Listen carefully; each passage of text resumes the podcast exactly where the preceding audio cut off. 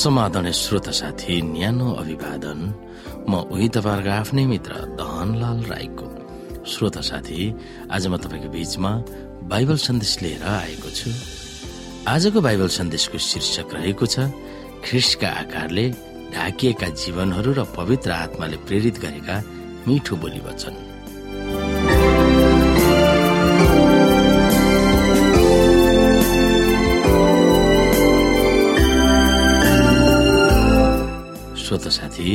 यस अध्यायमा हामीले अध्ययन गर्नुपर्ने बाइबलका केही पदहरू रहेको छ। एफएसी चार अध्यायको सत्रदेखि बत्तीस कलसी तीन अध्यायको एकदेखि सत्र जकरिया तीन अध्यायको तीनदेखि पाँच जकरिया आठ अध्यायको सोह्र पद यसैया त्रिसठी अध्यायको दस पद र रोमी आठ अध्यायको सोह्र छब्बिस र सत्ताइस। यस अध्यायमा हामीले सम्झाउनु पर्ने पद अथवा मेमोरी गर्नुपर्ने बाइबलीय वर्ष रहेको छ। एफिसी चार अध्यायको बाइसदेखि चौबिस। यहाँ लेखिएको छ छली लालसाहरूद्वारा भ्रष्ट भएका तिमीहरूको अगाडिको जीवनको ढाँचासँग सम्बन्धित तिमीहरूको पुरानो स्वभाव त्याग। आफ्नो भित्री वर्तावमा नयाँ हो र परमेश्वरको स्वरूपमा साँचो धार्मिकता र पवित्रतामा सृष्टि भएको नयाँ स्वभावलाई धारणा गर। श्रोत साथी योसे आन्टोनियो स्पेनको पाल्मा सडकमा वर्षौसम्म शुद्ध थे उसको घरबार थिएन। योसे सन्ताउन्न वर्षको भए तापनि उसको लामो दारी र शिरको लामो खरियो कपालले धेरै बुढो देखिन्थ्यो। एक दिन कपाल काट्ने पसलको मालिकले सालवा गार्सियाले बिना पैसा योसेको कपाल काटेर उसलाई सफा बनाइदिन्छु भनेर प्रस्ताव राख्यो। कपाल काट्नेहरू मिलेर योसेको कपाल काट्यो। लट्ठ परेकोले त्यो कपाल हत्तपत्त काट्न गाह्रो थियो तर सबैजना मिलेर काटे उसको कपाल रङ्गाएर उसलाई सुहाउँदो दारी र कपाल तिनीहरूले मिलाए। त्यसपछि उसलाई चिटिक्क पार्ने नयाँ लुगा पनि पहिराइदियो अनि बल्ल आफू को हो भनेर उसले थाहा पायो। ऐना अगाडि उभेर घभरि आँसु खसाल्दै उसले बोल्यो के हो त्यही मानिस हो र? म कस्तो फरक छु। अब मलाई कसैले चिन्ने छैन। पछि उसले थप्यो मेरो हेराइ मात्र होइन यसले मेरो जीवन नै परिवर्तन गरिदियो। विश्वासीहरू पुरै परिवर्तन भइसकेको अनुभव गरेका थिए भनेर। यसै गरी यो कथा अनुसार विश्वासीहरू पुरै परिवर्तन भइसकेको अनुभव गरेको थिए भनेर एफएसी चार अध्यायको सत्रदेखि बत्तीसमा पावलले जिकिर गर्दछ। तिनीहरूले तिनीहरूको पुरानो जीवनलाई फुकालिसक्यो र नयाँ जीवन लगाएको छ र नयाँ पहिचान भइसकेको छ। केही हदमा योसीको परिवर्तन जस्तै हो। र बाहिरी रूप परिवर्तन मात्र होइन विश्वासीहरू परमेश्वरको स्वरूपमा साँचो र धार्मिकता र पवित्रतामा सृष्टि भएको नयाँ स्वभावलाई धारण गरेका छन्। एफएसी चार अध्यायको चौबिस अनुसार यो नै विश्वासीको आमूल परिवर्तन वा काँचुली फेरिएको जीवन हो भनेर हामी भन्न सक्छौँ। श्रोत साथी तपाईँहरूको बिचमा म पोल्यान्डमा साबतमा बाहिरिनु भन्ने एउटा शीर्षकमा सिजाट पोल्यान्डको कथालाई यहाँ जोड्न चाहन्छु। कम्युनिस्ट शासनले गरेको पोल्यान्डमा रहेका विश्वविद्यालयहरूमा सबै विद्यार्थीहरूले शनिबार कक्षाहरूमा जानु पर्थ्यो तर रिसजाट सावा दिन विश्वविद्यालयको कक्षामा गैर भएर बस्थे।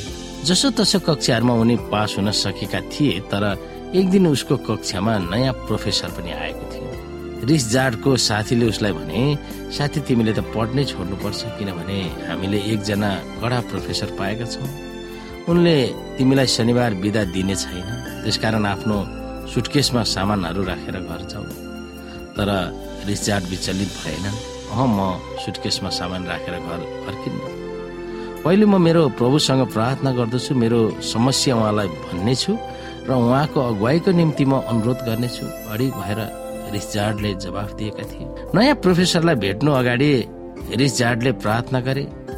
उनीसँगको भेटमा के हुने होला भनेर उनले मनमा कुरो खेलाए हुन सक्छ प्रोफेसरले भन्नेछ तिमीले के विश्वास गर्छौ? त्यसको सरकार छैन। तिमीले मेरो कक्षामा आउनै पर्छ। वा बस त म तिमीलाई केही भन्न चाहन्छु। रिजार्ड प्रोफेसरलाई भेट्न गएर आफ्नो चिनारी गर्दै उनलाई भने म सेभेन द एडभान्टेज चर्चको हुँ। यो चर्च प्रोटेस्टेन्ट चर्च हो। हामीले यसो मरियम र उहाँका चेलाहरूलाई विश्वास गर्छौँ। हामी तिनीहरू जस्तै जिउँछौँ। शनिबार तिनीहरूको निम्ति पवित्र दिन थियो र मेरो पनि शनिबार तपाईँको कक्षामा म सरेको असमर्थ छु। रिस जाडले प्रोफेसरको जवाब सुन्न चुपचाप बसे प्रोफेसरले भने मसँग बस्नु र मेरो कथा पहिला सुन्नु। आफू धेरै वर्ष अघि डक्टरेट गरेपछि अमेरिकामा एक वर्षको निम्ति इन्टर्नसिप वा काम गर्न गएको थिएँ भनेर सुनाउँदै उनले भने जब म एयरपोर्टमा आइपुगेँ तब मैले सोचेँ मैले कसैलाई चिनेको छैन। म कहाँ बस्ने? तब एउटा परिवारले मलाई एयरपोर्टबाट तिनीहरूको घरमा लग्यो। तिनीहरूसँग रहन र तिनीहरूसँग खान मलाई आमन्त्रण गरे। जब मैले तिनीहरूलाई पैसा दिन खोजेको थिएँ तर तिनीहरूले लिन अस्वीकार गरे। वर्षभरि त्यो प्रोफेसर त्यस परिवारसँग बसे जब म पोल्यान्डमा फर्केँ ती मानिसहरूले मलाई देखाएको दया मैले कसरी फर्काउने? तिनीहरूले मलाई गरेको सत्कारको निम्ति मैले कसरी सराहना गर्ने? अनि प्रोफेसरले आफ्नो कुरा अघि बढाउँछ। मैले के गर्नु सो मलाई केही थाहा थिएन। अब तिमी प्रोटेस्टेन्ट भनेर थाहा पाए म रोमन क्याथोलिक हुँ। मलाई सहयोग गर्ने परिवार पनि प्रोटेस्टेन्ट नै थिए। तिम्रो लागि सावतमा छुट्टी म दिन्छु। अचम्मको समाचार सुनेर रिसजाट अत्यन्तै चकित र अचम्मित भए।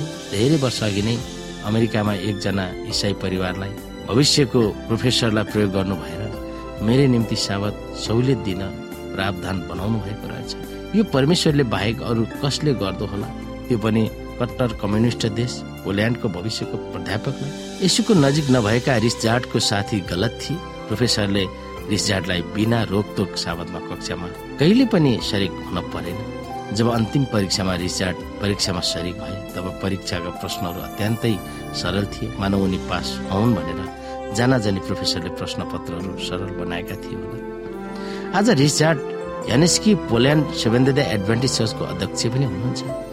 पोल्यान्डको विश्वविद्यालयमा सावतमा आफूले पाएको सहुलियतको बारेमा उनले कहिले पनि बिर्सेको छैन। त्यही कुरा यहाँ हामी हेर्न सक्छौ। विश्वासीहरूको आमूल परिवर्तन वा काँचिलो फेरिको जीवनको विषयमा। जसरी हामीले परमेश्वरमा विश्वास गर्छौँ पूर्ण रूपमा तब परमेश्वरले हाम्रो निम्ति बन्दोबस्त मिलाउनुहुन्छ। यसमा कुनै मत छैन।